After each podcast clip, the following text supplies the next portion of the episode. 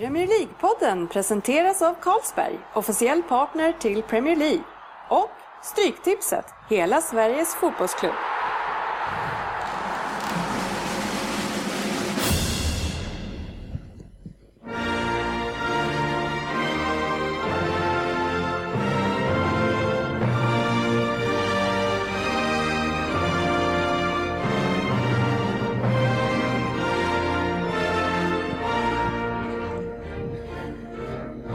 Det här är Premier League-podden, fansens podcastmagasin om Premier League och den engelska ligan. Det här är agendan för vårt 55 avsnitt. Vi öppnar med veckans appnyhet. Sen har vi den här veckan Pers historia igen. Vem där följs upp såklart utav det. Sen ska vi in i syndarens bikt igen. Eh, veckans debatt, eh, så ska vi snacka upp sen lite grann Arsenal mot United och då vi ska ringa upp ytterligare en ny förmåga i Premier League-podden. Sen har vi tipsdelen med Söderberg lurar oddset, Stryktipset och sen avslutningsvis så ska vi nog köra lite lyssnarfrågor från Facebook om vi hinner med det. Välkomna till ett nytt avsnitt av Premier League-podden. Och den här veckan i studion så är vi ett ganska litet men dock passionerat gäng i form av speltorsken Oddset Söderberg, bitterheten själv, Crystal Palace Svensson och sen perfektheten personifierad, jag själv, Dennis Kjellin. Ja, Tjena killar! Den Hej. inledningen hade du skrivit. ja. Vilken rivstart. ja. Ja men vadå, man får väl sätta nivån. ja det är du rätt i. Det är rätt i. Hur mår ni killar? Ja, då. det är väl helt okej. Ja, ja, det är bra. Jag håller på att ta mig ut dimman på jobbet nu. Det har varit en tung period där. Utvecklingssamtalsperioden när man är lärare är inte rolig. Så, så nu, nu har jag bara lite kvar, så att nu börjar jag se ljuset i tunneln här. Schysst. Ja, jag börjar ha ett liv igen här snart. Jag ska ju faktiskt också på så här, vill ju ha pers, vi har föräldramöte, men det är en helt annan grej, då samlar man allihopa. Är, är det en ganska jobbig grej eller? Jag har förstått att det Nej. kan Ja, jag, stökigt. det är jag ganska lugnt för. Jag, det brukar jag lösa utan problem. Det, kan vara, det bökar jag lite med utvecklingssamtal, måste förbereda mer än ha en grupp sådär. Det är lite lättare att hålla reda på tycker jag. Men eh, det här med föräldrar, det är ju rätt roligt när man är där. Man vill ju liksom att det ska gå så fort som möjligt. Sen sitter det några längst fram där och ska ta upp så många problem som möjligt och eh, skapa problem av något som inte ens är ett problem. Nej. Ja, ja. Och det blir så här, vad fan, håll Ja. Och det tycker du. Hur tror jag tycker som står längst Ja, fram där? som måste se glad ut. Ja, vi Ja, tycker att det är vara bra att de här barnen har frukt med sig. Och ja, ni måste ta med den själv. Som att det vore ett jävla problem. liksom. Ja, det låter härligt. Eh, något som är skönt så här i höstmörkret är att vi behöver inte se eh, landslagsfotboll tror jag, hoppas jag i alla fall, förrän i april eller mars va? Mars Nej, jag tittade inte ens. Var det igår de spelade? Jag, nej. känns skönt i alla fall. Fan. Ja, går- jag vet inte ens om det går att kalla fotboll. Det där som vi svenskar utövar i alla fall. Nej, vad hade vi? Typ så här 2,25 i skott eller Ja, någonting på mål. Så, nej. ja, jag föl, följde matchen på, på, via Twitter och sociala medier lite grann där, men jag missade inget kändes det. Men det är härligt att Hamrén oftast, han är nöjd ändå. Ja, men nej, det är klart han är nöjd. Det är klart han är nöjd. Sämsta eh, svenska facit på 30 år, men, men det är bra ändå. Nej, men det ser bra ut. Han såg lite shining tydligen av någon högerback där, eller vad var det? Han. Ja, härligt. Ja, ja skönt det tycker jag. Ja, usch. Veckans appnyhet. Ja, trots att det inte har varit någon Premier League då i helgen så är det faktiskt ett ganska späckat avsnitt. Så jag tänker jag kickar igång direkt in i nyhetens värld här. Och den här veckan så är det då girighetens ansikte som ska få kläs in lite grann utav Mesut Özils pappa den här veckan. Jo, för det är nämligen så att han har stämt sin egen son och det är efter att han har varit sonens agent eh, men sen tappade han den här tjänsten eller blev sparkad. Det är, det är lite oklart.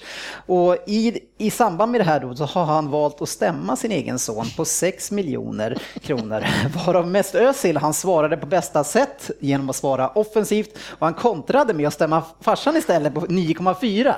Eh, Så där fick man ju tillbaks. Men nu har de tydligen eh, gjort upp i godo. Men såklart, de har ju tappat sin fina relation mellan far och son. Eh, Är det inte, så, är det inte hemskt hur det kan bli just med pengar? I, Ja, shit, det även blodsband liksom. Ja, men alltså sätt in i situationen. Det finns inte en chans att jag skulle stämma min farsa fast han hade, om jag var så rik som Özil var också. Ja. Och 6 miljoner eller 9 miljoner hit och dit, det, det spelar ingen roll. Att förstöra en sån relation, de kanske inte ens haft en Han relation. stämde ju sonen. Jo. Han stämde Messi. Jo, jo. Ja, men, men faktiskt Jörgen, nu när du ändå drog in på den här banan. Vi säger så här, om det var du som tjänade en miljon i veckan, Mm. hur, hur skulle du använda de här pengarna? Jag skulle såklart skänka pengar till mina Tobak i Rosersberg skulle gå jävligt bra. Mina en familjemedlemmar. Ja, ser, och ser se till så att alla runt omkring mig hade bra och sen så hade jag väl kanske köpt lite men fina hur, bilar. hur, mycket, är, hur mycket ska de få för att ha det bra? Liksom? Ja, men alltså kanske inte kontanter sådär hela tiden, men ett fint hus och lite någon bil och lite semestrar liksom. Men, men är, gäller det oss här som sitter bredvid eller är det bara familjen? Nej, men det blir familjen, men sen såklart att man... Eh, Du kan bjuda på en lången ibland. ja, nej, men det, man, man, man bjuder ju när man är ute då i så fall. Ja, men om vi säger så här Per, vi säger att du eh, var Jörgens pappa. Eh, och det är du som har uppfostrat honom och han, du har skapat den här fantastiska fotbollsspelaren som Jörgen blev. Eh, skulle du då känna att du hade rätt till en del av de här pengarna som Jörgen drar in? Alltså nu är det en taskig jämförelse. Så skulle vara Jörgen hade jag inga problem att stämma honom om det skulle vara min son. Så att helt plötsligt ställdes allt en helt annan dager. Nu förstår jag Mesuts pappa helt plötsligt. Nu förstår jag honom. Jag köper det. Way to go, farbror Özil. Nej, men det är, det är väl ändå sjukt, eller? Ja, men det är helt sanslöst. Och det grejen är att det är inte så här att han har säkert lämnat honom barskrapad. De här åren, han har liksom lämnat och gått till tyska ligan, skrivit ett par kontrakt, lämnat till Real Madrid. Det var nog hyfsat kontrakt, han fick säkert en hel del. Nu vet jag inte när, men det är säkert efter han har lämnat Arsenal nu då, så han var, fick ju säkert sina procent därifrån. Ja, han har Så han har säkert inte gjort ett skit på flera år, förutom att typ, nej men Mesut vill ha mer pengar. Men vad är 6 miljoner i sammanhanget? Det kan inte vara någonting. Nej, jag vet Egentligen. inte. Nej, men det är väl ändå 6 miljoner. Ja, Ja, men ändå. ja. Nej. Nej. men vad sjukt. Ja, den julafton skulle man vara med på nu. Ja, jag tror inte att det blir någon där de eh, får... Så här är det att eh, i den här veckan så eh, är det ju Per igen som ska ge sig in i historiens värld. Eh, Han fick ju lite skäll sist för han körde en monolog på 14 minuter. Hur har du resonerat inför den här veckan Per? 14 och 14, det var väl strax under 14 i alla fall. Men ja, nej, jag har tagit åt mig av kritiken. Jag fick, ja, har kortat ner mig lite grann den här veckan. Ja, vad spännande. Det ska bli kul att höra vad du har att bjuda på. Vi är laddade.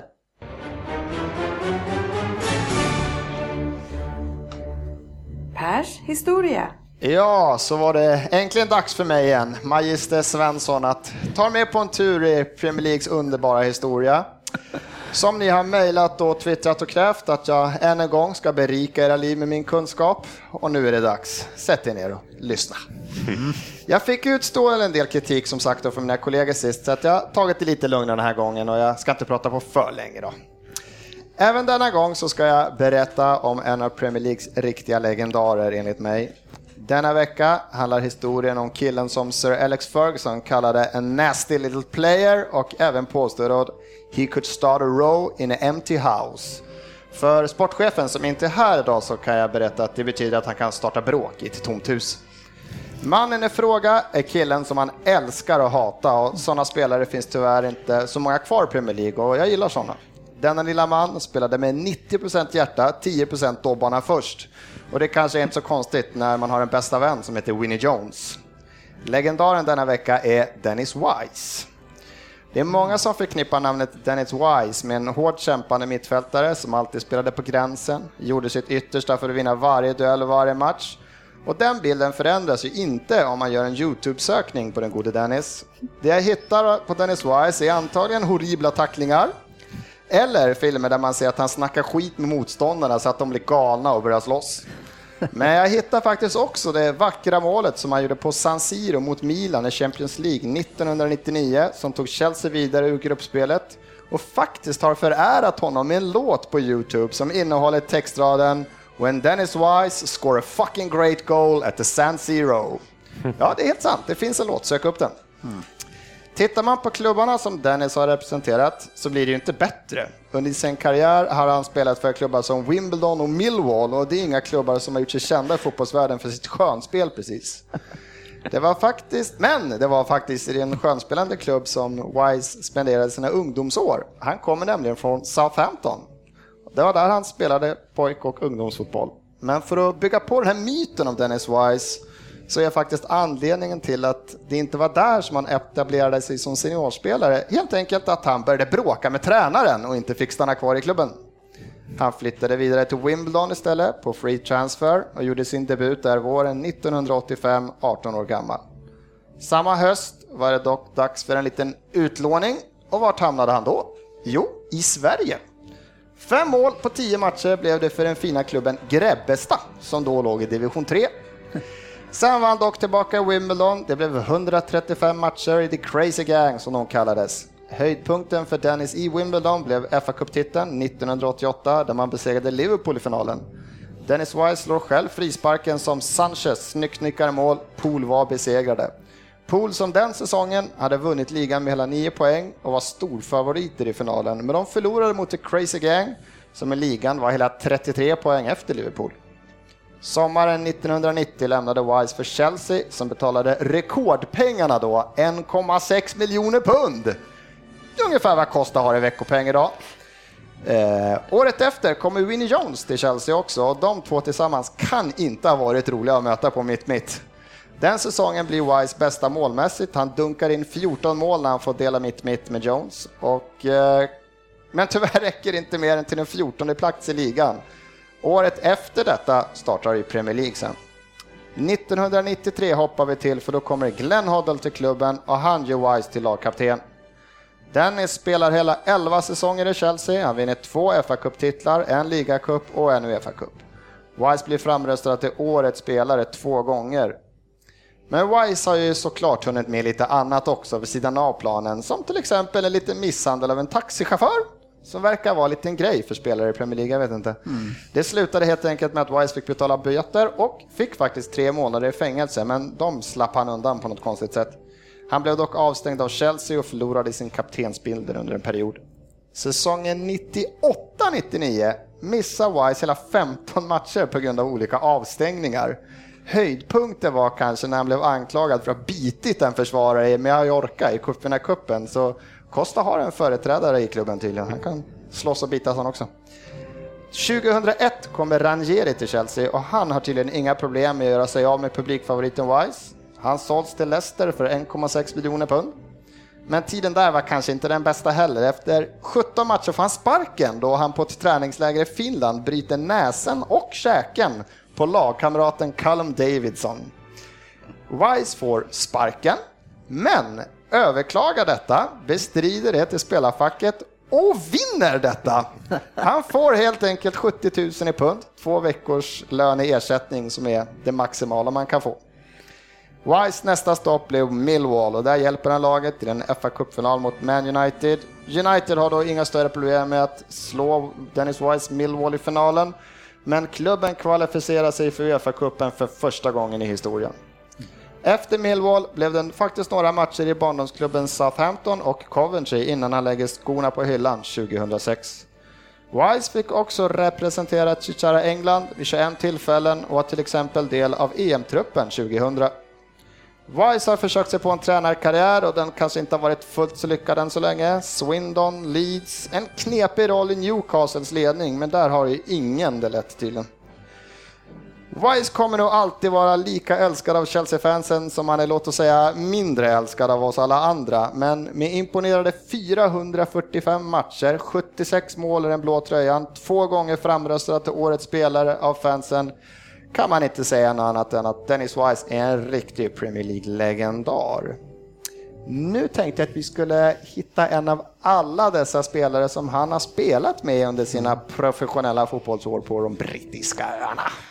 Ja, mm. Hur många klubbar har han varit involverad i? Jag tyckte det, liksom, det kändes som att det var ett tiotal. Alltså. Eller?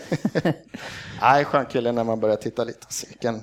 Ja. Nej, skön kille alltså. det, det, finns för få sådana där, ja, men som Kostar nu, man hatar killen men fan man kan inte sluta titta ändå. Liksom. Är det därför du vill ha tillbaka Bentner också? I ja, ja, shit. Han gör ju succé i tyska ligan. ja, hur går det faktiskt? Succé, ja, men det går bra, han gjort två, eller var, fast det kanske var Uefa-cupen eller han hängde två systrar. Så han har väl två i landslaget också. Så att, ja, men landslaget har han ju alltid gått ganska bra ja, i. Men, ja, jag tror han går fint. Jag har, lite, jag har inte sett någonting. Så. Nej. Mm. Ja, spännande. Poängställningen i snitt inför veckans omgång av Vem där? Det är då att Andy Könberg han inte har 4,2. Vi har Per Svensson, du har 2,7 och du ligger faktiskt sist. För Jörgen Söderberg han är uppe på 3,1. Ah! Det är första gången han är förbi dig. Vi har sportchefen på 4, jag själv har 3. Så ja, och du är inte ens med idag, Nej, så du får, du får försöka nolla oss då kanske. Då. Ja, får se här. Vi får se hur det går.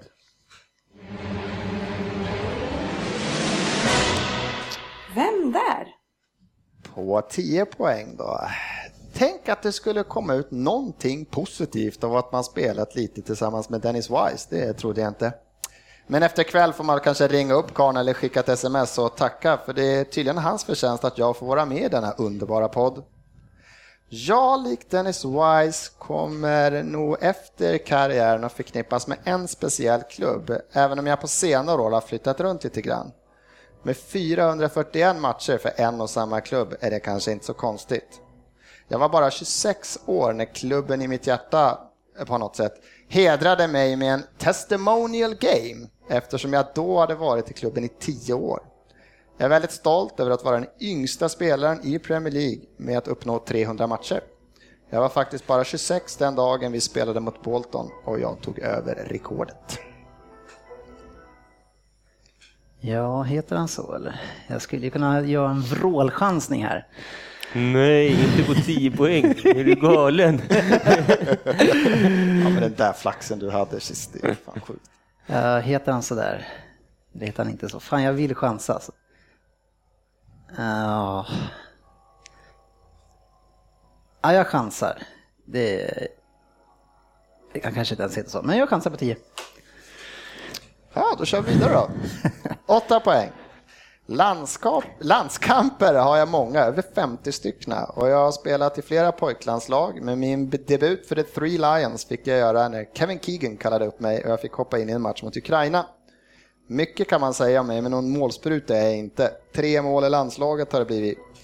Joey Bartons uttalande om att jag ser ut som en sköldpadda efter en match mot Tyskland är väl inget jag tar för, på för stort allvar, men vem tar Joey Barton på allvar? Han är nog bara sur eftersom jag spelar på den positionen som han vill ha.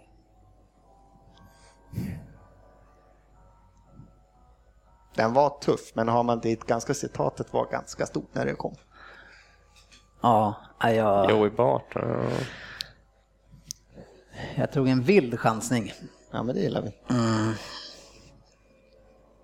Nej, jag har ingen, inte en suck. Sex poäng.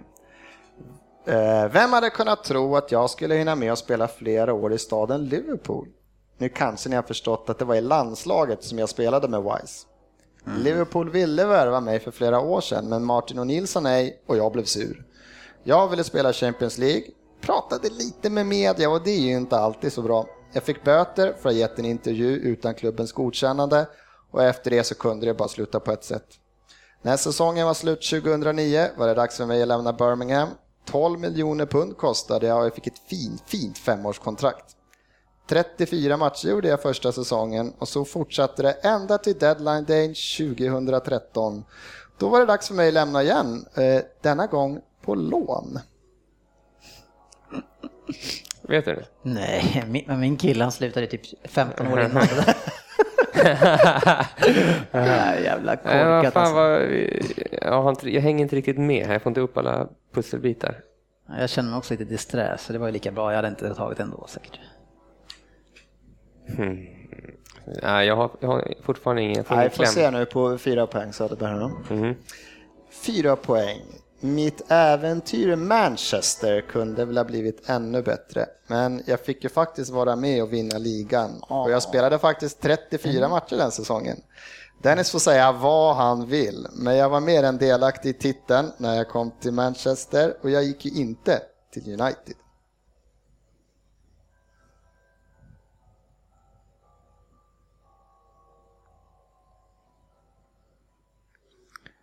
Uh, men vad då? Jaha. Men då, men vadå? Ja, då gissar vi det då. Men... Eh, jag, vet, jag tror du skulle få ihop Nej, det här. Sa du poäng. Birmingham? Vem fan har sagt någonting om Birmingham? Du sa förut du att har han spelade i. Birmingham. Du har, också sagt, du har sagt någonting om Birmingham. Ja, det var dags att lämna Birmingham. Ja, Jaha. då är det inte det. Vad fan är det för kille då? Någon som kommer till sitt... Jaha. Det där jag har ska jag plocka upp. Nej, fan, nej, det är inte han. Han sa ju dem. Han är ju därifrån. Nej, just det. Jo, jo men det kan. Jag har, ser bara en sköldpadda framför mig. Aha. Jag, jag tror att jag vet vem det är. Det är sjukt svårt det här. Jag kan inte. Eh, jo, jo, jag vet. Jo, men det är klart att det är han. Ja. Okej. I Everton gjorde jag förra säsongen min Ja. 500 match i ligan och det är bara nio före mig som har gjort det. I Aston Villa kom jag fram som en back men blev senare mittfältare och det är där jag fortfarande härjar runt. Röven min blir bara större för varje år ser det ut som, men jag levererar- fortfarande och frå... om det inte... Sitt nu, jag har skrivit fel här. Eh, Och frågan är om inte City någonstans ångrar lite att de släppte mig i alla fall. Nej, det gör inte. Nu är jag skadad och frågan är hur det kommer gå för laget utan mig då. Ja, men nu kan jag. Nej! Jag plockade upp den på fyra också. Innan det så var jag helt väck alltså. Ja. Men två poäng fick jag i alla fall. Ja, vem är det då, Söderberg? Gareth Barry. Ja, Jajamän. Gerberg. Jag skrev ju Birmingham för att inte skriva ut. Ja, men det var Aston smart. Men det, jag, jag, fan jag var rörd. Men alltså jag försökte, jag, jag tänkte att jag skulle försöka, jag, jag tänkte att det kunde kanske varit en spelare från Southampton eftersom han hade varit där så mycket. Men jag är inte ens säker på att han heter så. Matthew Letizier. Ja. Ja, ja. Han Ja. tänkte jag på också. för då tänkte jag, och utifrån att han var legend, men så tänkte jag, fan, var det, han började det är ganska tidigt ändå. Eh, och hade han verkligen spelat, spelade inte han lite grann innan Premier League så att han blev för gammal? Ja, men jag tänkte, jag drar, drar på en rövare där, för han är verkligen Ja, en men det- legend. tänk- Och han skulle ju kunna ha fått en tidig testimonial för han var ju Ja men precis. Att, ja, Gar- jag att Barry har fått det, det hade, det hade jag aldrig kunnat plocka upp att han skulle få det. Shit, han har gjort 500 matcher. Ja, ja det är Det Fan. Det Ja, fin- nej, den var svår. en fin spelare. Ja, den, alltså jag var ju helt lost ända till fyran, men eh, ja, ja. Ja, det kan ni gott ha. Nej, men grattis Jörgen, tvåa. Yes. Men det sänkte kanske bara mitt... Ja, det är klart du sänkte det, men det är bättre med en tvåa än en nolla. det där, du måste lära dig det där. Ja. Ja, den var fin. Nej, bra jobbat Per. Tack.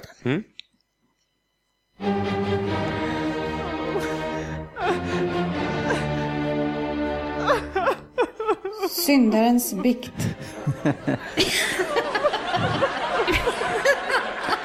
Ja, det är ju bara två här som sitter med mig i studion, så de sitter och skruvar på sig lite grann och undrar vem det är som ska in i, in i bikten här. Eh, och i den här bikten eh, så är det ju ganska trevligt att börja med en historia som adderar lite ytterligare förnedring till den som har gjort bort sig på något sätt. Och den här historien den började den 2 juni 1988. För det var då en gudabenådad fotbollsspelare föddes i Quilmes, Argentina. Han slog igenom som 15-åring i argentinska ligan då han var den yngsta att spela så högt upp någonsin. 2006 så gick han till Atletico Madrid från Argentina för 23 miljoner euro och slog därmed rekordet för övergångar från Argentina. I Atletico så gjorde han 74 mål på 175 matcher och 2011 så blev han köpt av Manchester City. Den här veckan så öppnar vi biktbåset till poddens egen snedtippare Crystal Palace Svensson. Du som sa att Sergio Kun Agüero endast gjort max åtta Premier League-mål per säsong i, Per, i, i eh, Manchester per- City. Nej, jag har inga kommentarer.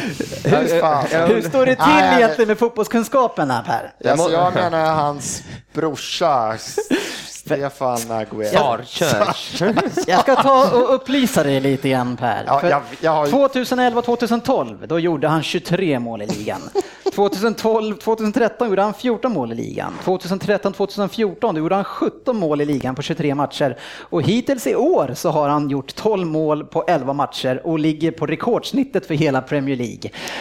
Ja, vad har du att säga till ditt Jag, försvar? jag har inga kommentarer. Jag sitter ju alltid, jag sitter ju alltid själv och hyllar killen och tycker han är fan bästa forwarden typ i ligan nu innan Diego Costa. Jag är alltid så, jag vet inte var den här kommentaren kommer ifrån. Jag måste ha tänkt på något helt annat. Ja, du måste ha tänkt... Du kanske spelar någon fotbollmanagerspel eller någonting? Nej, jag måste ha misslyckats på, på, på manager. Han är bra den där jäveln, men han har inte gjort mer än åtta mål per säsong. Ja, Det är där- han och Shane Long ungefär, de har samma målsnitt enligt dig. Ah, det är bara skämskudden, svansen mellan benen och allt möjligt på den. Alltså, fråga mig inte. Erkänner du dina brister och du lovar att inte fara runt med osanning igen? Ja, på 55 avsnitt så har jag sagt ett fel. Tar på mig det. Ja. Ett, ett fel. Vad, vad säger du Jörgen? Ja, ett fel vet jag tusan alltså. Det, det med Crystal Palace då? Ah, det, det, var det, det är Tony Pulis fel. Hade inte han kommit så hade jag fått lagt det där spelet, då hade jag varit en rik man. Ja, om det inte hade varit så ja. Mm. Ja, Ja, herregud. ja den var fin. Veckans debatt. Ja, och ämnet den här veckan det är, är det spelarnas fel att det är så, att det är så mycket skadade numera? Jörgen? Jag tror det. Det betyder ja alltså? Ja, tack. Svensson? Ändå har vi haft tid att tänka på det här innan och jag fortfarande är så här, ah, Är det Nej, spelarnas fel? nej. Nej. Och Dennis säger nej. Eh, så vi kan väl börja med ja-sägaren då, då eh, Jörgen. Varför är det spelarnas fel? Därför att varje spelare känner själv sin egen kropp. Ja, Och man borde veta vart eh, gränserna går. Eh, och man har ju en dialog säkert kan jag tänka mig med fysiotränarna och allt det här att liksom, nu känner jag att nu är det så här. Eh, nu har jag lite ont här. Ja, men då kör du den här lite en annan övning. Ja, tack, Ja. säger man då. Eh, så jag fattar inte riktigt hur folk kan gå sönder hit och dit hela tiden. Alltså. Och vissa lag, nej. nej. Svensson? Nej, ja, det är en jävla svår fråga, men om man tittar på, jag kan ju bara titta på mitt kära Arsenal som har grymma problem med skador liksom. Eh, många av skadorna vi har haft i år också, det är sådana här, är det baksida lår och lår, det är ju en förslitningsskada liksom. Att, Visst kan det vara, jag har svårt att säga att de är dåligt uppvärmda liksom. Att det inte, utan det är förslitningsskador när man kör en, en löpning och baksida lår går. Och sen har vi haft otur med alltså skador på tacklingar och det är, alltså ligan är hårdare nu än vad den var känns det som, alltså sista åren. Vilket gör att det smäller på mig. Alltså vi har mer sådana skador känns det som. Förutom att vi har dålig gräsmatta och tidiga matcher och sånt där som också såklart spelar in. Nej, killar.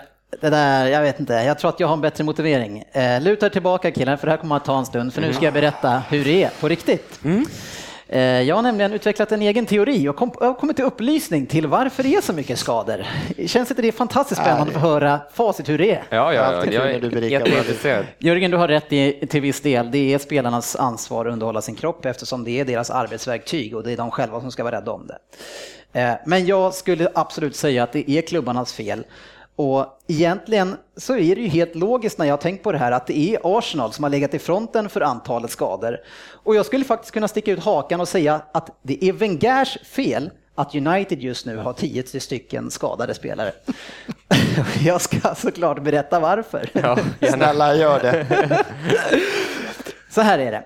Dagens brittiska fotboll den skiljer sig helt från den fotbollen som spelades ja, fram till 80-talet och delvis av många lag även in i 90 och 2000-talet. Men Arsenal och Wenger de gick i bräschen för den tekniska och fartfulla anfallsfotbollen. Och tonvikten i deras uppbyggnad lades då såklart kring det offensiva spelet medan de andra lagen fortfarande ångade vidare med den typiskt brittiska och fysiska spelstilen. Och för att orka med den spelstilen så krävdes det ju då såklart en helt annan försäsong än den som Arsenal representerade och fortfarande utövar. Så vad är det då som har hänt i Premier League de senaste tio åren? Jo, nästan alla utav de bättre lagen har gått över till en fotboll influerad från den sydeuropeiska stilen. Lite den som Wenger väldigt tidigt anammade. Och det som har hänt då, då det är att det har blivit en krock under uppbyggnadsperioden och träningen under, under försäsongen och där den fysiska delen inte längre får samma fokus. Och det kan vi då se konsekvensen av att det är inte bara Arsenals spelare som går sönder varje kvart, utan det är även United och det är Liverpool och det är de andra topplagen också. Eh, Medan jag misstänker att vi inte alls ser samma skadeproblem hos ett lag som till exempel Crystal Palace eh, och de andra lagen lite längre ner. Eh, Och det som du sa innan, eh, den intensiva fotbollen lever fortfarande kvar, men just nu i England då alltså. Men bygg, klubbarna, de bygger inte upp sina spelares fysik för att hantera det på samma sätt som förr. Eh, Så jag tror inte att det beror på gräsmattan på Emirates, att den är hård, utan jag tror att det är hur man lägger upp träningen nu för tiden och att fys- fysiken inte har samma fokus och försäsongerna är inte lika långa. Så är det. Så, tack, tack för den utläggningen. Nej, men jag kan köpa, alltså som Arsenal har haft det nu sista åren, den, en säsong som den här, när Arsenal har ändrat toppklubbarna, mm. ursäkta Jörgen, toppklubbarna, vi skickade iväg typ 95 procent av våra trupper till VM i somras. Alltså de har ju spelat konstant nu i typ ett och ett halvt år. Alltså att det kommer förslitningsskador då, det tycker jag inte är så konstigt. Men säsongen innan när det liksom, de har haft sin semester, de kommer tillbaka, mm. de kör uppbyggnadsträning. Att man då får sådana här skador tycker jag är konstigt. Men i år, liksom, det tycker jag inte är konstigt. Nej, men jag tycker att det är all, alltså det, spelarna går ju sönder hela tiden överallt nu. Alltså jag, jag mm. tror att man är sämre uppbyggd. Ja, det skulle vara intressant att här, skilja de skadorna, alltså skador, det, det duellspelet, alltså match, tackling, fötter, Eduardo-tacklingar, benen bryts och liksom rena mm. förslitning när det är lår och det är mm ömma ryggar. Och det var, Men tror du inte att det är så som på Dennis Wise eh, tidiga år där? Att, att man var så fysiskt tränad så man klarade av de här tacklingarna på ett annat sätt. Man gick in mycket hårdare. Man var alltså fysiskt kraftpaket liksom. Och man har väl alltid pratat om att den svenska försäsongen är så sinnessjukt lång i fotboll medan de utländska är kortare. Om man nu har den kortare och man tagit bort en hel del av fysiken så kanske man inte står pall då förrän... För... Sen är det en annan, det är, nu pratar man alltid, eller man läser också om matcher så här, vad bra han har, typ som Milner. Han, han har ju, vad hade han, typ så här 90 maxlöpningar på en match. Alltså man, mm. Just offensiva spelare, det är ju maxlöpningar, det är inte att de ska springa i 90 minuter som kanske en Wise gjorde. Han, hade, han, han tog det säkert aldrig slut, Håkan Mild liksom. Mm. Men nu är det ju fler fler lirare som Alexis Chances som så här, det, det, är, det är lite jogga runt och sen bam, det är lite jogga runt. Tempoökningar. Men det, det känns... Som, som, det, det fel, alltså, Ljungberg, när han kom till Arsenal så stod han för något nytt. Han, han gick där upp och vankade längs en back och sen bara small det och så stack han och så var han fri. Och ja. Det var han grym på. Mm. Sen fick han sina förslitningsskador. Nu är det liksom, den spelstilen är inte unik i något. Alla har ju den typen mm. som ligger där och men Arsenal förändrade ju verkligen hela alltså, sättet att spela på de brittiska öarna. Eh, så jag, det skulle ju kunna finnas någonting, ska jag säga, mina egna teorier. det var ju så sa du Nu ja, det var ju så, finnas. du tveka. Men eh, utifrån att vi kan ha ett resonemang, det är klart jag tycker att, jag har, att jag, det finns någonting där. Ja. Eh, det, det är ett annorlunda. Jag tror, och, nu, för, och dessutom, att man liksom inte kanske är lite fysisk tränare så, så är det mycket mer matcher också för topplagen med mm. Champions League. Men det så är det faktiskt. En av, det finns ju några goda fotbollsskribenter i Sverige och jag tror att Simon Banka som skrev någon mm. artikel senast om att sluta gnäll, era mest puppar liksom. Det är så jävla gnäll. Mm. När man tänker på, var det, det var väl Sterling som liksom kom tillbaka från landslaget och var bara, nej jag är trött. Mm. Jag är trött för att mm. han åkte iväg i fyra dagar liksom en timmas lätt träning om dagen, spelar, Tuvon spelade 70 minuter fotboll, kom tillbaka till Liverpool, jag är för trött, jag måste vila liksom. Mm. Man köper ju inte det liksom. Vad fan ja. är det för jävla gnäll? Jag tror att han menar att han är trött psykiskt kanske, men... Trött, eh, trött psyk, ja, ja, det köper jag inte heller. Mm. Trött psyk, liksom... Alla skulle ju dö för hans chans att få göra det han gör. Och så kommer han 19 år bara, får spela landslag och får representera klubben i sitt hjärta, liksom, typ, säger han och allt. Och så bara, mm. nej, trött. Ja, nej, det är tufft det där, men jag... Det, Stackars bortskämda miljonärer. Ja, men det, det, det, det är ju inte bara, det är en spelare som blint gick sönder nu här för United också. Han är ingen som tar hundra maxlöpningar. Jag såg en, inte det en duellskada? Ja, mycket mer. Men det är, alltså, det är hela tiden, är det, det är inte bara, jag tycker att alla typer av spelare ja. går sönder nu. Så det är, Ja, Någonting är det. Ja. Söderberg, du som är, du är ju, går ju i fronten här för den fysiska utvecklingen och träningen. Mm. Hemmadoktor, hobbydoktor kan man säga. Ja, du får... Eh, Många diagnoser ställda ja, genom åren. Ja, ja, Du får fundera på det här och kanske föreslå kanske en längre säsong. I träning. en längre försäsong. Ja, precis. Ja, precis. Jag vet inte alls.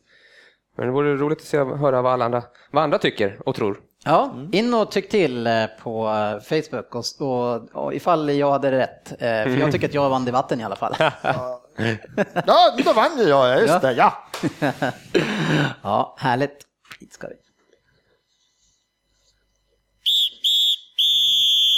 Veckans fokusmatch. Ja, vi vill gärna se till att vi representerar fansens röst i den här podcasten och lite då och då kommer vi ringa upp olika engagerade fans för olika föreningar och framförallt eh, gärna sådana som inte håller på samma lag som vi gör, som oftast är här. Och den här avsnittet så ska vi ju prata upp helgens stormatch eh, mellan Arsenal och Manchester United. Och vad passar då bättre än att introducera en ny röst i podden som kommer direkt ifrån England. Vi säger välkomna, välkommen säger vi, till Premier League-podden Fabian Jalkemo. Tjenare! Tjena! Tjena grabbar! Hallå, hallå, hallå. Hallå, hallå. Ja, välkommen som sagt till Premier League-podden.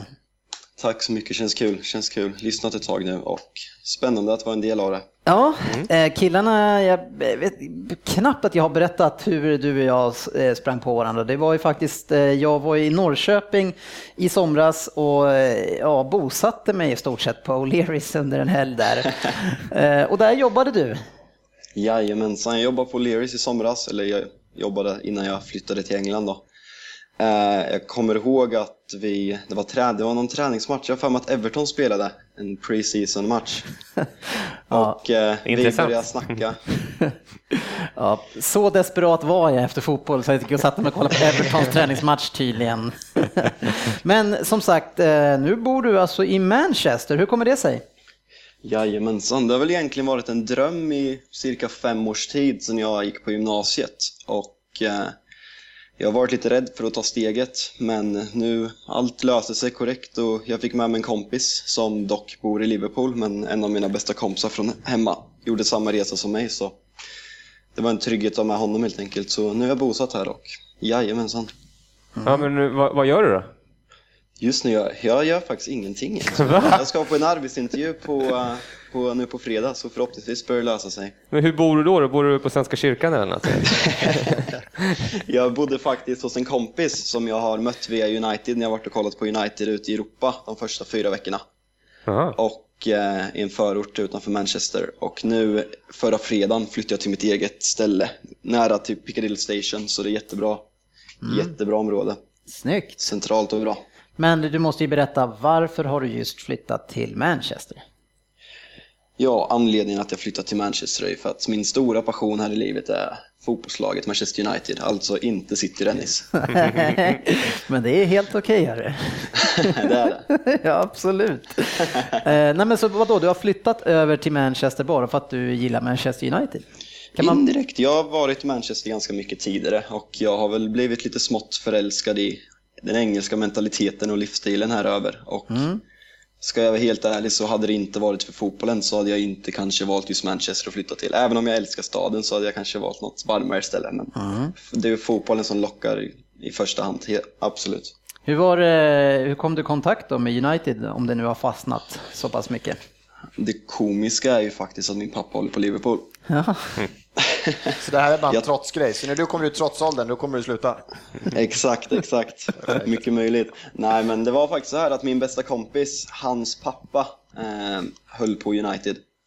Och hade massa planscher och tröjor på väggen. Och sen så var Beckham min stora idol när jag var liten. Så det var väl helt enkelt tack vare min kompis och hans pappa samt David Beckham som får ta ansvaret att jag blev United-supporter. Mm, schysst. Det är rätt många som tycker att jag är väldigt lik Beckham. Ja, jo. Eller? Där innan vi... Kanske, kanske inte. Eh, Men vi, tanken är ju att vi ska snacka upp helgens match. Eh, Vi brukar normalt sett inte prata om matcher som ska komma, men eh, i EM-kvalstorkan så får det bli så här. Och det är Arsenal som ska möta United. Men om vi backar steget lite grann, hur känner du kring Uniteds säsongsinledning? Oh, väldigt blandade känslor. Eh, jag hade en diskussion med en kille på en pub angående det här och egentligen så är det katastrofalt dåligt med tanke på den relativt enkla schemat vi har spelat. Men eh, som förra året när vi hade mer poäng vid den här tiden så var man väldigt besviken. M- Men att man idag samtidigt ser lite positivt är för att i år jämför man med Moyes. Och Ja, förra året hade Moyes att jämföra sig med en trupp som vann ligan med 11 poäng. Och därför ser man sekvenser i vårt spel i år som jag tycker flera steg förbättrade mot förra året. Ja, det är tacksamt i sånt fall för van Gaal jämför med Moyes istället för Ferguson. Exakt, Fan, att man det- inte det var ju sökte alltid- det där. Man sa, man sa ju alltid drömjobbet är den som ersätter Fergusons ersättare, vilket nu blev van Gaal. Ja, det Ja. jobbet skulle man sökt oss. Men eh, om, man, om man tar lite tempo Manchester nu kring van Gaal, eh, jag menar det går ju, som du säger, det går ju inte bra. Vad, eh, hur säger man där? Vad tycker man? Alltså, alltså folk är överlag, jag ska inte säga att de är nöjda, men det är ändå en positiv vibb runt laget. Det, det är svårt att få biljetter till matcherna, vilket var hur lätt, som helst under förra året under. Jaha. Fram, framförallt hemmamatcherna. Eh, folk ser den positiva biten i spelet, för förra året var som att om ni har kollat på Liverpool i år, det var så kändes det att kolla på United förra året. Det var tråkigt, det var intetsägande, det fanns inga, ingen spelidé eller någonting. Nej, men vad fan, man måste väl stötta sitt lag i vått och torrt. Vad är det för jäkla medgångssupporter du har där borta i Manchester?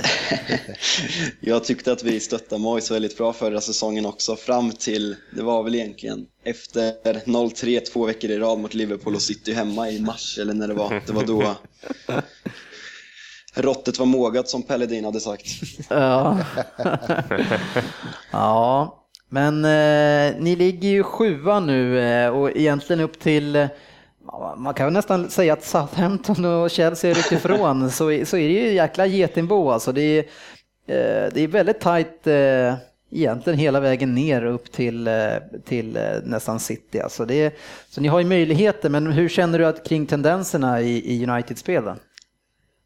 Alltså, jag tycker att tendenserna finns där. Nu de senaste matcherna har väl varit ett steg tillbaka. Egentligen sen jag kom över till England då, har väl varit ett steg tillbaka. Vi har flyttat över Di Maria på en kant och börjat spela någon 4-4-1-1 uppställning som jag inte alls tycker fungerar. Mm. För, de, för när Di Maria kom och gjorde succé första matchen när vi körde med en tre, tre centrala mittfältare när han spelade en fri roll på mitten så tyckte jag att han imponerade väldigt mycket mer än vad han gjort senaste matcherna. Mm. Ja, han kommer bort helt faktiskt och blir ja. ofta utbytt i tidig 70 minut eller mm, omkring. Absolut. Matchen mot Crystal Palace var, det var först, jag har varit på fyra matcher sedan jag kom över här. Det var första matchen vi vann men samtidigt så var det den absolut tråkigaste matchen sedan jag kommit över. Mm. Det var inte alls bra spel och även om vi hade bollen så skapar de egentligen matchens bästa målchans när Fraser Campbell missar friläget i första halvlek. Mm. Ja.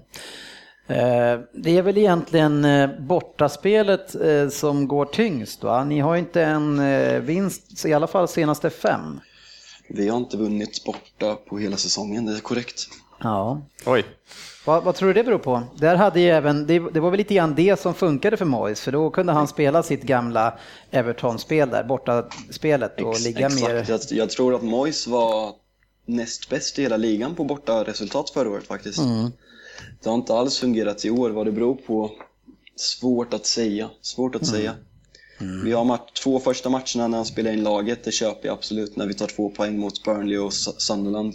Mm. Sen Leicester-matchen är, ja det finns inte ens ord för att förklara hur illa den var. Nej, 5-3 va? 5-3, vi ledde med 3-1.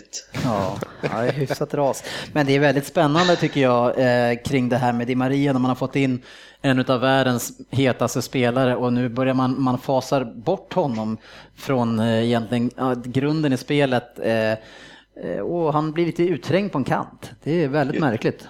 Jag håller absolut med. Det är som jag kollade, jag kollade inte jättemycket på La Liga, men när man har sett i Maria tidigare i säsongen när han har spelat på en kant har man sett honom som en okej okay spelare, men inget, inte världsklass. Det var först förra året när han spelade tillsammans med Modric och eh, Alonso på det centrala mittfältet i en fri roll som han utvecklade sin absoluta världstoppen. Mm. Eh, nu är det ju så, vi har pratat lite grann innan vi ringde upp dig här kring eh, skadeläget eh, och det börjar ju utifrån vi brukar prata om att Arsenal har problem så är väl ni nästan värst nu va? Vad är det som händer egentligen? Jag vet inte. Det var ju i början av säsongen så var det skrattretande. Sen började det klarna upp lite, trodde man, men nu mm. blir det ännu värre igen. Men, men vems fel tycker du att det här är? Varför, varför blir det så mycket skador? Alltså det, det, är en väldigt svår diskussion. Arsenal har som sagt haft problemet väldigt länge. Mm. Om, du, om du kollar United så verkar det vara en synonym för alla mittbackar vi värvar att de blir skadade. nu har vi Chris Smalling som enda friska mittback tillsammans med Paddy McNair och Tyler Blackett. Gud vad jag längtar till matchen i helgen! ja. Koscielny är skadad också i helgen va? Nej, han är borta men vi kommer inte behöva försvara oss mot er. Förmodligen inte. Nej, är det så också? Jag vet inte, har du fått någon eh, statusrapport på Di Maria och hur, hur statusen är på honom? Jag har faktiskt inte hört någonting. Jag skäms lite över att säga det, men jag var faktiskt och kollade på matchen igår. Det var en upplevelse i sig. Ja. Portugal-Argentina alltså, det var... Ja, jag, jag förstår det. ja, häftigt. Eh, en sista fråga innan vi egentligen går in på eh, matchen. Eh, hur är det med Falcao? Det, han tog man in för ett, det är ju ett, ett super, super dyrt lån och han har inte spelat mycket, hörru? Exakt, ja. min första match när jag var över var i West Bromwich borta och då kom han in sista 25 och man såg direkt en skillnad på viljan i honom och van Persie. Ja, ja. Sen jo. dess är det nå- någon skum vadskada. Vissa säger att det har med knät att göra, vissa säger annat. Han hade väl en knäskada va, innan? Han skulle varit med i VM egentligen, var det inte så? i, i februari, eller om det var någon gång i februari så att han missade VM, ja. Mm. Och eh, det går ju rykten om att, han, att Monaco framförallt har tagit tillbaka honom fort, för, för fort. Om Mm. du jämför hans rehabilitering med Theo Walcott för samma skada så har Walcott väntat, tror jag, en och en halv månad mer än vad Falcao gjorde. För han har väl ändå suttit på bänken någon match och sådär nu? Nej, han har varit borta och de, de, Fanchal är helt tyst om det, helt tyst. Okej. Han har inte sagt någonting. Och Nej. Jamie Jackson som är fokuserar, en journalist på Guardian som fokuserar mycket på Manchesterklubbarna eh, gick ut och skrev eh, att, eh, han, att hans knä inte alls är bra, att han får ha en kylpåse på det efter varje träning. Vilket Falcao gick ut och dementerade på Twitter bestämt en timme senare, så man vet inte. Nej. Nej, jag såg också att det var lite snack om det där kring att man kanske då inte kommer vilja fullfölja köpet. För jag antar att det är en, en klausul som man har där. Det var ett dyrt lån men att lösa han sen så är det väl en 400 miljoner till som ska kastas in där. Det är ungefär 430 miljoner svenskar som jag har förstått det ungefär. Ja. Något i det här hållet. Och det är väldigt mycket. Han börjar komma... Han börjar vara 28, så det är ingen purung spelare längre. Nej, ska det lösas eh, i januari eller är det till sommaren? Det är väl tänkt, jag tror att deadlinen är i sommar så de har väl de har ju tid att bestämma sig förhoppningsvis. Ja. Men eh, det är ju ett problem att han inte kan, att han inte kan delta nu. Visst är det det. Vi har sålt Welbeck som jag avskydde att vi gjorde för jag tycker Welbeck är en... Jag älskar honom som spelare och att han är från Manchester. Och van Persie är inte alls den van Persie jag känner igen. Nej, Nej, nej, det är ingen som tycker att han är Ja, sig lik. alltså när, när man kollar live på matcherna så är det till och med ännu värre. Han löper inte, han, han erbjuder ingenting, han bara står och... Nej, det är som att se Berbatov för några år sedan. Ja. Ja, och det, det komiska med han, det var väl att han gick ut och gapade om att de andra spelarna springer in i hans ytor och tar hans löpningar liksom. Vad han ska... Exakt. Ja, det, det är tragiskt. Det känns lite grann som att han gjorde det där bytet så fick han sitt efterläng- sin efterlängtade titel och sen så var han nöjd på något sätt. Exakt, och Ferguson har ju faktiskt fått en del kritik för det senaste åren att han, in, att han lämnade en ganska ålderstigen och nedgående trupp även om de vann ligan. Van Persie har jag svårt att tro att han hade värvat om han inte hade velat vinna den där 20 titeln innan han la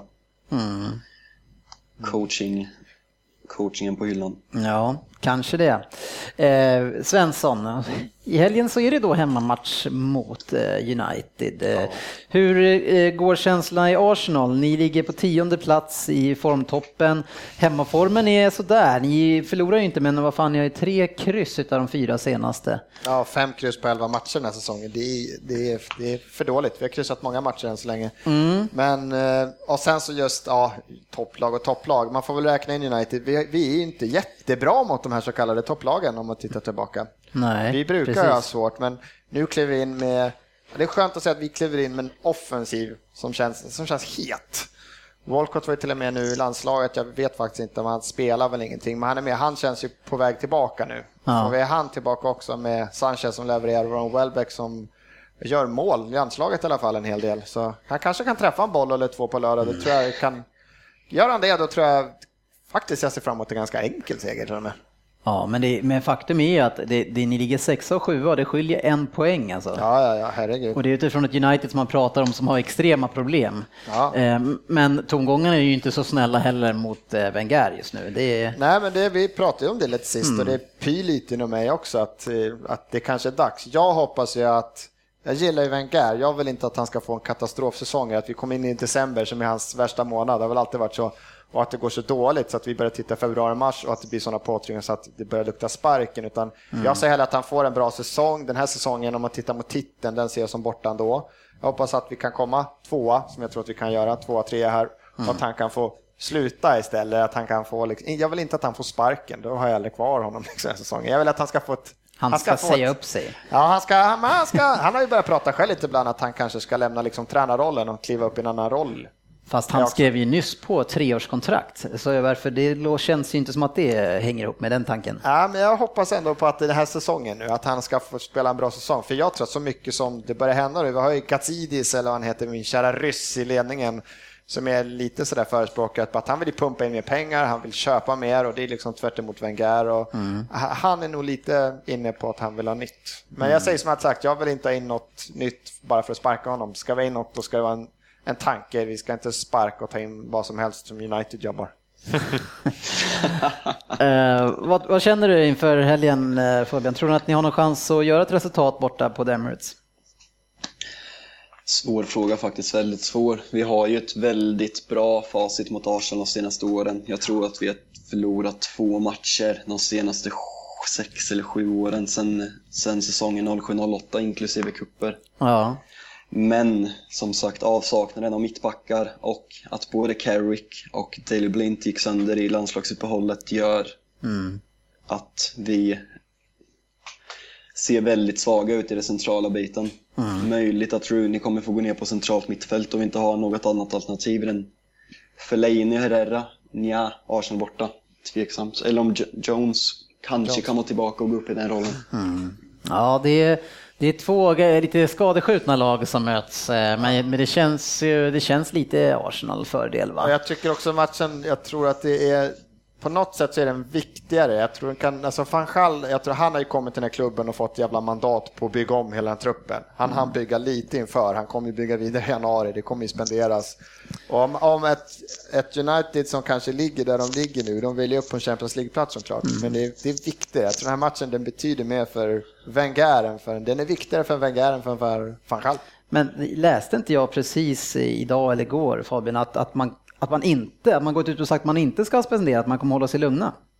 Jag har faktiskt inte sett den informationen. Nej, men det såg jag. Ja, en klubb som dementerar att de ska spendera massa pengar, det har man inte sett förut. Ja, fast Arsenal, han går ju, han går ju ändå ut Wenger och säger att han ska köpa. Så... Ja, men det gör han. Köper han en kille, då är han nöjd. Då har han spenderat. Då har han spenderat. En fransk 18-åring. Ja, spännande. Vi, vi får eh, höras igen Fabian när det är dags att prata eh, i efterhand och vi kan analysera och se hur det har gått. Eh, det ska bli spännande att följa United och då kommer vi även kunna prata med dig som är där, där det händer och få plocka upp lite grann pulsen på stan. Jättespännande. Absolut. Ja. Det har varit jättekul att vara med grabbar. Ja, mm. detsamma. detsamma. Så vi, vi hörs av, eller? Det gör vi absolut. Får ja. ni bra så hoppas vi på tre poäng i helgen. ja, det gör jag faktiskt också. Hur konstigt den låter så hoppas jag på United. Lycka till. Hej, bra. Hej, hej. Söderberg lurar oddset.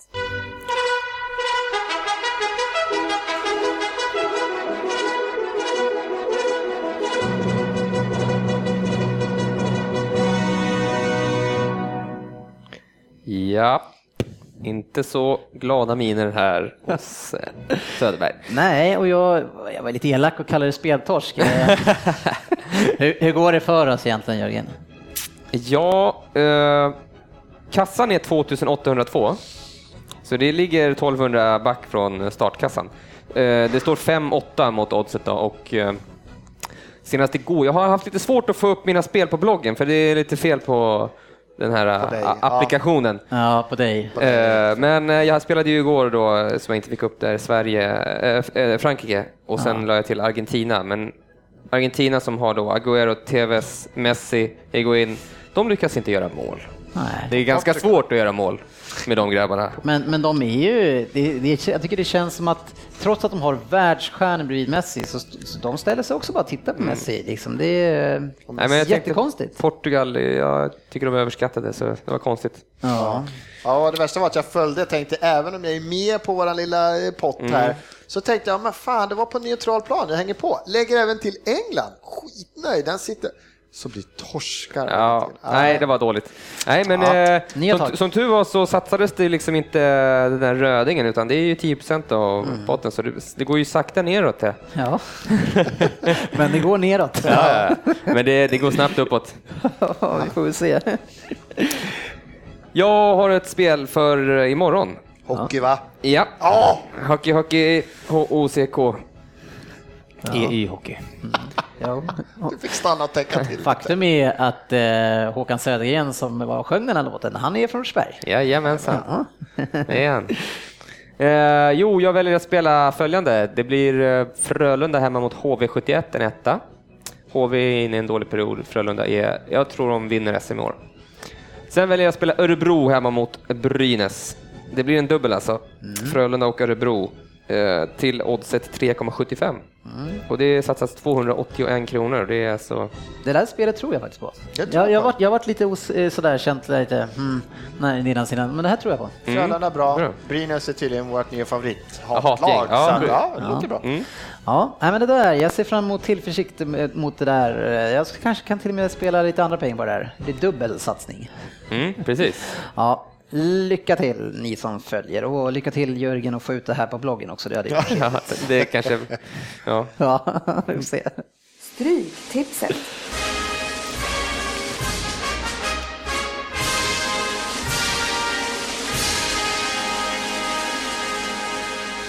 Yes, på stryket den här veckan så är det en väldig massa Premier League-matcher som vi ska trampa igenom. Hela sju stycken. Eh, Det betyder att det är herren på täppan som fortfarande är Per Svensson. Jajamän. Hör och häpna.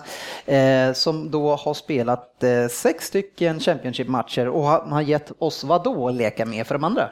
Ja, jag brukar ju alltid då, jag har gjort det här ett par veckor nu, man släpper ju tre halva, men den här veckan så släpper jag även en helgardering, för så säker är jag på mitt eget lir på Championship här, så att jag släpper den till er. Yes, 1 plus 3 har vi då på sju matcher. Och vi börjar med matchen som vi pratade om alldeles nyss och det är, Manch eller det är Arsenal mot Manchester United. Eh, och trots att det är, jag är nästan sugen på att spika Ja, Arsenal här. jag också. Jag också. Ja. Absolut. Det, Och jag är också sugen, men här börjar jag tänka lite att vi har fem kryss och det är ändå United. Det skulle vara så jävla, vi är så, vi har statistiskt sett, vi är inte bra här så att jag slängde faktiskt in ett kryss. Det som är så skönt idag, Jörgen, Att vi, ja. det är du och jag som Ja, kan bara styra fan. Jag bort har, tänkt, jag har tänkt på det här innan också, om vi skulle snacka lite innan. Nej, men, eh, om, eh, det är väldigt bra eh, spik om man spikar till, kommer kanske stå i 45-50 procent en Ja. etta. Tror du det? Ja, Ja. De, de blir inte, det, blir inte, det blir jämnt det här. Tror du det? Det tror jag absolut. Jo, men om man tänker på historiken och sådär. Ja, jag tror också att det är, många kanske tror på United och Rooney är ganska het och sådär. Men eh, ja, jag tror på en etta här. Ska vi, vi kör över Svensson? Vi- Det kör vi. över mig med att spika Arsenal. Ja, få ta den. Det, det är synd eh, att han eh, kommer ha de sista sex, men vi har i alla fall chans att, att Ja. få de andra rätt. Vi har chans på åtta rätt. Eh, vad blir det? Sju rätt.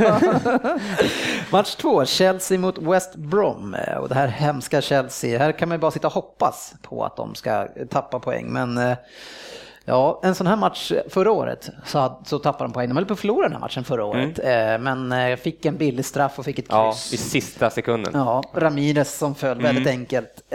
Vågar vi tro på en skräll här? Jag vågar, jag, jag skulle gärna vilja med krysset faktiskt. Jag, alltså West Bromwich eh, har ju faktiskt varit bättre än vad man tror. Eller vad- sådär. Och, och Chelsea kanske har fått, jag vet inte, Costa, han är skadad. Han var inte med i landslaget. Okej. Han har varit skadad vet jag. Han var inte med den senaste va? Premier League-matchen. Vad säger du Jag Svensson? vet inte varför du frågar mig överhuvudtaget. Ja, nej, jag tog Chelsea, det finns inte en chans. Jag, jag kan inte se. Fast en chans finns det ju alltid. Liksom. Ja. shit, de släpper in Schürrle mot tröga West Brom-försvaret så blir det full Ja, men fart. en och så etta snöter kryss eh, skulle Ja, det jag kunna vara. Ja. ja, men vi, det, vi måste ju leva på hoppet och Ja, tro ja, att de någon gång... Ja, ja. Och det- Och är såna här matcher efter landslagsuppehåll, det kan vara en sån här match Ja. De har ju två snabba forwards som kan skada dem om de inte är på topp. liksom. Chelsea kan inte bara gå och ställa in skorna, de måste ju kämpa. Nej. Och det är det som blir svårt efter sånt här landslagsuppehåll. De måste ju verkligen gå in och... och Jag ska ju säga att jag, jag tror ju Det att det som är Chelsea vinner det det är här. som är, ja, det är som är skillnaden med det här Chelsea och de andra topplagen, att det finns så många karaktärsspelare i Chelsea så de kan ju inte. Nej. Ja, Nej, jag håller med dig. Chansen är väldigt liten, men jag gillar att vi lägger chansningen där. För att här, det är en bra, en bra procentchans. de kommer ju närmare en torsk. Ja, ja, Eller ett kryss med det. Ja, Ja, det, där är, det där är ett väldigt roligt eh, ordspråk faktiskt. Men eh, vi kör ett kryss. Mm. Match tre, Everton mot West Ham. Det är en svår match tycker Ja, jag. Och eh, här är, är det på sin plats med helgarderingen här eller? Jag, jag har etta, tvåa här. För jag tror att det är två lag som, ja, West Ham har ju lyckats nolla någon match, men det blir ofta mål och Everton inte heller varit jättestabila bakåt, så jag tror det kan bli en del mål och att det kan bli en så här 2-1, 3-1 och det, det kan bli lite mål. Jag tror inte det blir kryss i den matchen. Man kryssade ju hemma sist mot Villa. Det är ju ett ganska ett, ett klart tecken på att det skulle kunna bli kryss i deras matcher i alla fall. För om man inte får hål på Villa som varit så måste man kunna misslyckas i andra matcher också. Jag vet hur känner du för Everton? Ja? Nej, inga, det är inte jättebra vibbar alltså. Det är fortfarande inte lossnat som man jämför med förra året. Nej. Där det kändes, nu- där man det hela tiden var positivt. Nu är det inte alls samma glädje. Nej, Jag tycker inte det är helt konstigt att, att säga att West Ham, Swansea och Southampton, någon av de tre skulle kunna slå sig in topp fyra i år utifrån så dåligt som det ser ut för topp Det här, de det andra här då? redde vi ut förra gången eller förra, förra gången. Nej, de kommer inte göra det. Du sa Men de är det. bra. Ja. Mm, mm. Eh, Men eh, ja, vad säger du? Söderberg? Oj, alltså ja, man vill ju ha med alla, alla streck. Ja, du säger ett kryss två och du säger Ja. ett två och jag säger ett kryss två. Då kör vi helgarderingen där. då. Mm. Sen har vi Leicester mot Sunderland och det här är ju en svår match. Leicester som har gått otroligt dåligt på slutet. Och Sunderland, ja, ja de, gick ju, de ryckte upp sig lite grann efter 08 där och betalade, betalade fansen för, för eh, biljetterna och sådär. Ja. Eh, Så ja, om det skulle vara 1-2 på den förra så tycker jag mer att det är en 1-2 här. Jag har helgarderat den här, för den här är helt... Fast det får du ju inte. Nej, jag vet. Nej. Nej. Så att jag vill ha så mycket streck som möjligt på den här. Ja, en 1-2 hade du kanske 1-2 är gillat. jättebra. ja kör på nästa två. Ja, grattis Per, du fick med ett. Tack, jag är nöjd. Ja, även fast vi hade samma vi. Sen har vi match 5, Manchester City mot Swansea. Också en jättesvår match. Ja. Manchester City är helt under isen eh, och Silva är inte med. Han är en sån spelare som kan lösa det där och nu måste man förlita sig till Nasri som har kommit tillbaka efter skada och han är inte het. Shit, Nej. Nasri, vill han ens spela Han fotboll hatar honom, jag hatar honom. Han skulle kunna sluta känns det han bara... det, det, det känns eh, väldigt tungt just nu och det är, eh, vi har fått en fråga också på, eh, på Facebook utifrån, vi ska ta lyssnarfrågor nu så om vi kan ta den här redan att kommer, alltså Pellegrini, kan han vända det här och eh, riskerar han att få sparken om han inte gör det? Ja, han, de kommer aldrig kicka han eh, innan säsongen är slut, om man inte skulle vara så att man ser att man glider långt bort ifrån eh, topp fyra. Men det, det känns som att man har ett stort motivationsproblem utifrån, men om det inte finns det här sista, det funkar, man, man har extremt mycket avslut men det är väldigt mycket räddningar på många olika sätt, men då får man ju fan kriga. Mm. Man har tappat kriget borta både mot West Ham och mot QPR, det får man fasen inte göra, och hemma mot Stoke. Nej, och man såg tendenserna av frustrationen i, i Champions League-matchen där, när bland annat Nasri skulle ha ett rött kort. Såklart, när han sparkar ner den här. eh, Och det vart, Jaja fick rött kort för att det är också en frustration, han slog han i ansiktet eller vad han gjorde där. Och, Ja. och, och jag menar, eh, Men utifrån, ja ja, alltså, alltså Wernbloms tackling, alltså, Ja, ja. jag kan ju nästan förstå att han var lite grinig efter den. Jävla bra. jo, men du, du ser, de mår, de mår inte bra som lag nu alltså. Nej, det, det gör vi verkligen inte. Det, det är väldigt jobbigt nu. Och, eh, alltså möjligheter kan väl vara kanske att Swansea kliver in och tror att här kan vi göra ett resultat. Men det är... Ja, Etta, fan. två eller? Ja, jag är lite, jag kan tyvärr alltså. Det är, Swansea är Så farliga. kan vi hoppas på Swansea sen. sen. Ja, det kommer jag Ja, men ta en gardering Denny. Gör det. Mm, tack.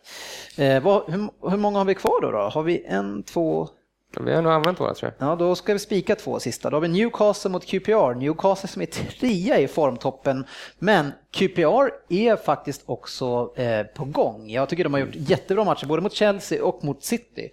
Eh, fast, eh, ja, det är ju... Det gjorde de väl förra året också? Eh, och, och City var ju hemma. Mm. Eh, Newcastle går ju som sagt på motivation. Jag vet tusan, de är lite olika typer av lag. Eh, QPR är tunga och starka och den som, eh, den som leder mycket den här utvecklingen av QPR det är Bobby Zamora. Han är, har ni sett honom? Han här får ju Austin att se ut som en bra fotbollsspelare. Ja, alltså man ser nästan alla uppspel så lägger den på Bobby Ja. och liksom, han tar emot det så grymt. Han bara bröstar tillbaks den och, och Austin är ju smart då. De har ju varandra, de vet hur de ska spela Ja, med varandra ja. och sådär. Så det är mycket Bobby Zamora faktiskt. Fint säkert. Skönt klassiskt anfallspar det där två. Ja, de är tunga. Ja, jag tycker om han. Jag tycker om han. Ja, de är tunga faktiskt. Så det är svårt, men eh, ja, vi ska ju spika den här. Jag, jag är så här sugen på skrällkryss, men det kanske är etta eller? Nej, får de med sig något så får de med sig ett Jag hatar ju, jag gillar inte Newcastle egentligen. Alltså, Inte jag heller. Jag tycker att, och, och de har ju sådana här toppar och sen kommer de ner- i dalar. Mhm. Så jag vet inte. Det känns farligt med ett singelkryss här då. Det är, känns det som att det lutar åt dem, eller? Eller jag vet inte. Jag, jag, jag, Eller båda har ju varit bra på sistone. är du Så. sugen på ett kryss? Jag är lite sugen på ett kryss. Mm. Svensson, vad är du sugen på? Jag kan väl säga att jag är sugen på en etta, så säger du kryss eller? Nej, ja, jag är lite svårt här. Jag, Söderberg, du får bestämma, tänker jag. Ska jag bestämma? Ja, Han har ju precis sagt att han vill ha ett kryss. Ja, jag vill ha ja ett men då kryss. kör vi krysset. Ja.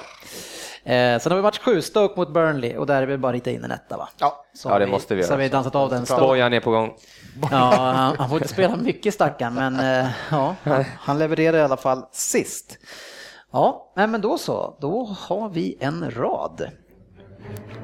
Match 1, Arsenal mot United, en etta. Match 2, Chelsea-West Brom, etta kryss. Match 3, Everton-West Ham, etta kryss 2. Match 4, Leicester-Sunderland, etta tvåa. Match 5, Manchester-Swansea, etta kryss. Match 6, Newcastle-Queens Park Ranger, ett kryss. Match 7, Stoke-Burnley, en etta. Sen får ni facit här då. Match 8, Bournemouth-Ipswich, etta kryss. Match 9, Charlton-Millwall, en etta. Rotherham-Birmingham, match 10, en etta. Match 11, Watford-Derby, etta, tvåa. Match 12, Wigan hemma mot Middlesbrough, en etta. Och match 13, Wolverhampton-Nottingham, etta, kryss. Mm. Ja, vi, vi kanske klarar våran rad där innan det. Sen så kommer ju han sabba upp det här. Ja, det var väl bara någon liten korrigering, men annars såg det ganska bra ut tycker Ja, jag på men sista. bra. Snyggt. Svensson. Ja. Utifrån att uh, speltorsken tycker det så vet inte jag vad det betyder riktigt. Jag kan ge pengar den här raden. Ja, vi får hoppas på det. Eh, avslutningsvis, som jag sa, tänkte jag att vi tittar in lite grann i Facebook eh, på nätet då och se vad våra lyssnare vill att vi ska prata om. Eh, och Adam Berglund eh, frågar, tror ni att Liverpool och United kan ta sig till topp fyra i år? Söderberg, vad säger du? Eh, ja, men inte som de spelar nu. Nej, men det är väl det du ska utgå ifrån? det Vad- tror tror, ja alltså, mm. De kommer nog runt tre, mellan trea och sexa då. Och så? Båda två, menar du? Ja. Mm. Jag tror de kommer inte längre ner. Det, det kan jag inte tänka mig. Alltså, de måste komma igång någonstans. Men sen om de vaknar för sent, det vet man inte. Nej, Svensson? Jag tror Liverpool kommer ha... Ja, ja, ja men runt, klart de kommer komma sexa. Jag tror inte de kommer ner för det, men jag tror, jag tror att allt hänger på United i januari. Men jag, har svårt, jag tror van Gaal har blivit lovad mer än vad han kanske går ut. Jag tror kommer, får han in, får han in den här mittbacken i januari, så då, som de andra topplagen ser ut, så kommer de tre eller fyra. Det, de har för bra offensiv och får de in någon som kan styra och skälla lite där bak. Jag tror det är det som behövs. De har en jävla fin målvakt och de har en fin offensiv. Och, Ja, de räddas ju än så länge av att det är så mycket utöver de andra topplagen som inte heller går bra. Eh, För, kän, för mig känns det som att nu november, december, jag tror att United kommer att tappa en hel del här nu. Eh, Med de skadorna de har dragit på sig extra nu här. Och det är liksom, man får förlita sig väldigt mycket på van Persie och, och Rooney. Och sen, men sen så är det den här backlinjen och, och nu är inte Blint heller Nej, helt- men för han har ändå stått för någon sorts stabilitet, även om Ja. inte han har glänst och varit superbra. Liksom. Så han, han är stabil spelare. Liksom. Och nu som vi pratade om innan man flyttar ut eh, Di Maria på en kant så han är, inte, han är liksom inte den som drar det här laget längre. För innan kunde man säga att de har Di Maria, men det känns ju inte riktigt som det nu. Utan nu är det, nu är det någonting annat som måste hända. Eh, det, det känns väldigt konstigt av van Gaal att göra Ja, så det är här. lätt att ta bort en spelare som spelar på en kant. Mycket lättare än att ta bort en spelare som spelar i mitten. Ja, eh, det beror på lite grann hur man spelar kant i och för sig. Menar, Ja. Ronaldo spelar ju kant. Jo, jo, men han söker sig mycket Ja, men så kan man förstå liksom, så United har spelat och läckt bakåt, att han vill väl säkert stabilisera mitten. Han vill sätta in de här stabila Mm. sidledsdanner liksom rakt igenom. Då släpper han ut den offensiven på en kant och ska ge han kanske lite friare där, men han har ju bara försvunnit. Han har ju, liksom, han har ju tappat det han kan få ut av honom istället. Så att, nej. Ja, eh, Liverpool är ju, de har ju otur nu, de saknar ju verkligen eh, Sturridge och sen går han sönder igen. För de saknar ju den här rörelsen som Balotelli inte erbjuder och, och nu är då han borta igen ett tag här nu. Så det är, ja, det är tufft för Rodgers alltså. Det är, Ja. Han måste hitta på någonting. Ja, jag vet, ja, han måste ju tänka om. Ja. han, kan inte, han kan inte fortsätta lira Balotelli som någon sån här, nej han ska spela. Mm. Och ska han då lyfta ut Balotelli och kanske spela med ja men Borini liksom eller någon, aha, då måste han ju ändra spelet, han måste ju tänka om. Jag tror det är problemet också som avslöjar Gerard hela tiden att när det inte är samma rörelse där uppe, då, måste han, då måste mittfältet måste göra mer med bollen. Det måste liksom hända mer där. Det går för sakta, det går liksom inte för Gerard. Nej. Vem hade trott att man föredrar Borini framför Balotelli liksom innan, innan säsongen? Men det gör man ju nu. Alltså, Ja, knappt. Jag skulle i och för sig vilja ha Borin ute på kanten, så jag vet inte om jag föredrar han som central. Jag, jag tycker det han har visat som, som bäst i Sunderland, det var när han var ute och sprang på ena flanken där. Eh, men eh, ja, det blir tufft eh, måste vi säga för båda de här lagen. Men de, än så länge så klarar de sig för att de andra topplagen eh, inom citationstecken också har det tufft. Eh, En annan fråga från Emil Svan som eh, då eh, undrar hur länge tror vi att Swansea kan behålla Boni? Tror ni att han kan eh, sticka iväg redan här nu? Är det, vilka är det som behöver honom? Jag skulle gärna ta emot honom. Jag skulle behöva ett komplement. Men får se hur länge Giroud här om han kommer tillbaka. Men jag ser hellre en, alltså Boni erbjuder mer än, vad, än vad en Giroud gör. Han har ett större spel. En, han är bättre i sin targetroll som det känns det man har sett nu leverera honom. Men han har väl varit på gång lite sådär, jag vet inte. De behåller honom. De. Alltså, han Kanske kom väl förra året, han spelade en säsong plus det här och gjort en sån succé så det kommer bli svårt för ett sånt litet lag som Swansea att hålla honom. Ja, Det blir det ju. ja jag, Men jag, det, det, är inte han en typisk sån här spelare som, han blir inte lidande, men alltså om en klubb ska pröjsa upp de pengarna, för han lär ändå gå på en 150-200, kan man minst. säga där någonstans. Alltså de klubbarna som vill värva, de måste liksom hålla sig, de kanske har 200-300 millar och då kanske inte de tycker att det är värt att lägga det på honom liksom, spendera Nej. så mycket pengar. De flesta om vi tittar på de stora lagen, det är inte forwards de behöver mest. Ska de ha de, säg 300-400 miljoner att röra sig med, de måste, de måste titta backar och det är defensiva mittfältare på många lag. Och då får de spela, spendera så stor procent av sina tillgängliga pengar på Boni, jag vet inte. men hur är det med Liverpool? Skulle, det är lite snack om att de skulle plocka hem i sig Origi redan nu, men han känns ju väldigt ung och, och känns ska man lägga sina, alla sina kort på honom, men där kanske han skulle kunna göra en stor skillnad. Men då Jo, måste man ju, Då måste man ju avlasta någonting liksom. då måste man parkera någon kille. En stor Eller två. kille. Ja. Ja, nej, jag, jag vet inte, jag tror inte, han, jag tror inte han kommer gå någonstans i januari och sen är det hur det ser ut nästa sommar. Ja. Det vet man aldrig. Eh, sen har vi Jakob Seje som eh, undrar eh, hur vi tycker att, vad vi tycker att Spurs ska göra för att komma, ut, eh, komma ur sina problem. Eh, och eh, utifrån det han skriver här, vem kan tänkas ta Adebayor från Spurs så vi slipper honom och vem borde, vem borde ersätta? Alltså han verkar koppla ihop problemen Adebayor och eh, den dåliga utvecklingen i Spurs. Fast Adebayor, han, han, han har väl inte spelat så himla mycket i år, har han det? Han har ganska mycket, tycker jag. Han har Jo, det spelat gör- det, med Har han tanke på att hur lite Hurricane har fått spela, men han har Precis. levererat i Europacupen och sådär så att har ju Adebayor spelat fruktansvärt mycket. Jag tycker inte att problemet är Adebayor. Alltså. Nej. Det är, han, Det är längre bak. Han, har visat, han visade förra året att han har en fantastisk potential och det, det handlar nog bara om, om rätt person att styra honom och rätt, ge han för rätt Lite, förutsättningar. li- han är lite lik Balotelli ändå. Det är, en Ja, men det är klart att det finns lite problem. konstig. Men man såg som sagt var förra året, alltså vad han, alltså då är det väl upp till en manager att få ut max av honom. Men problemet är ju eh, alltså vissa spelare som inte växlar upp som man har trott väldigt mycket på som en Lamela. Liksom det, det är ett problem, men sen så det är ju försvaret.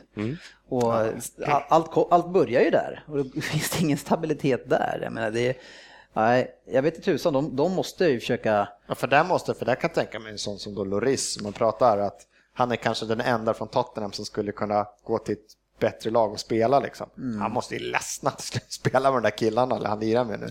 Det måste ju vara hopplöst. Liksom. Fast han, får ju, han, får, han, ser, Han får han ser väldigt bra ut. Han får jobba. Ja, han ser väldigt bra Det är problemet tycker jag med Tottenham, är att de inte har någon sorts ryggrad. Eller, Alltså, de har liksom ingen... De här tre spelarna ska spela och sen så fyller vi på med lite runt om. Det känns som att de snurrar på alla platser. Vadå, han, han och- går in där på tavlan, han bara, ja Loris är mål, sen bara Kabul.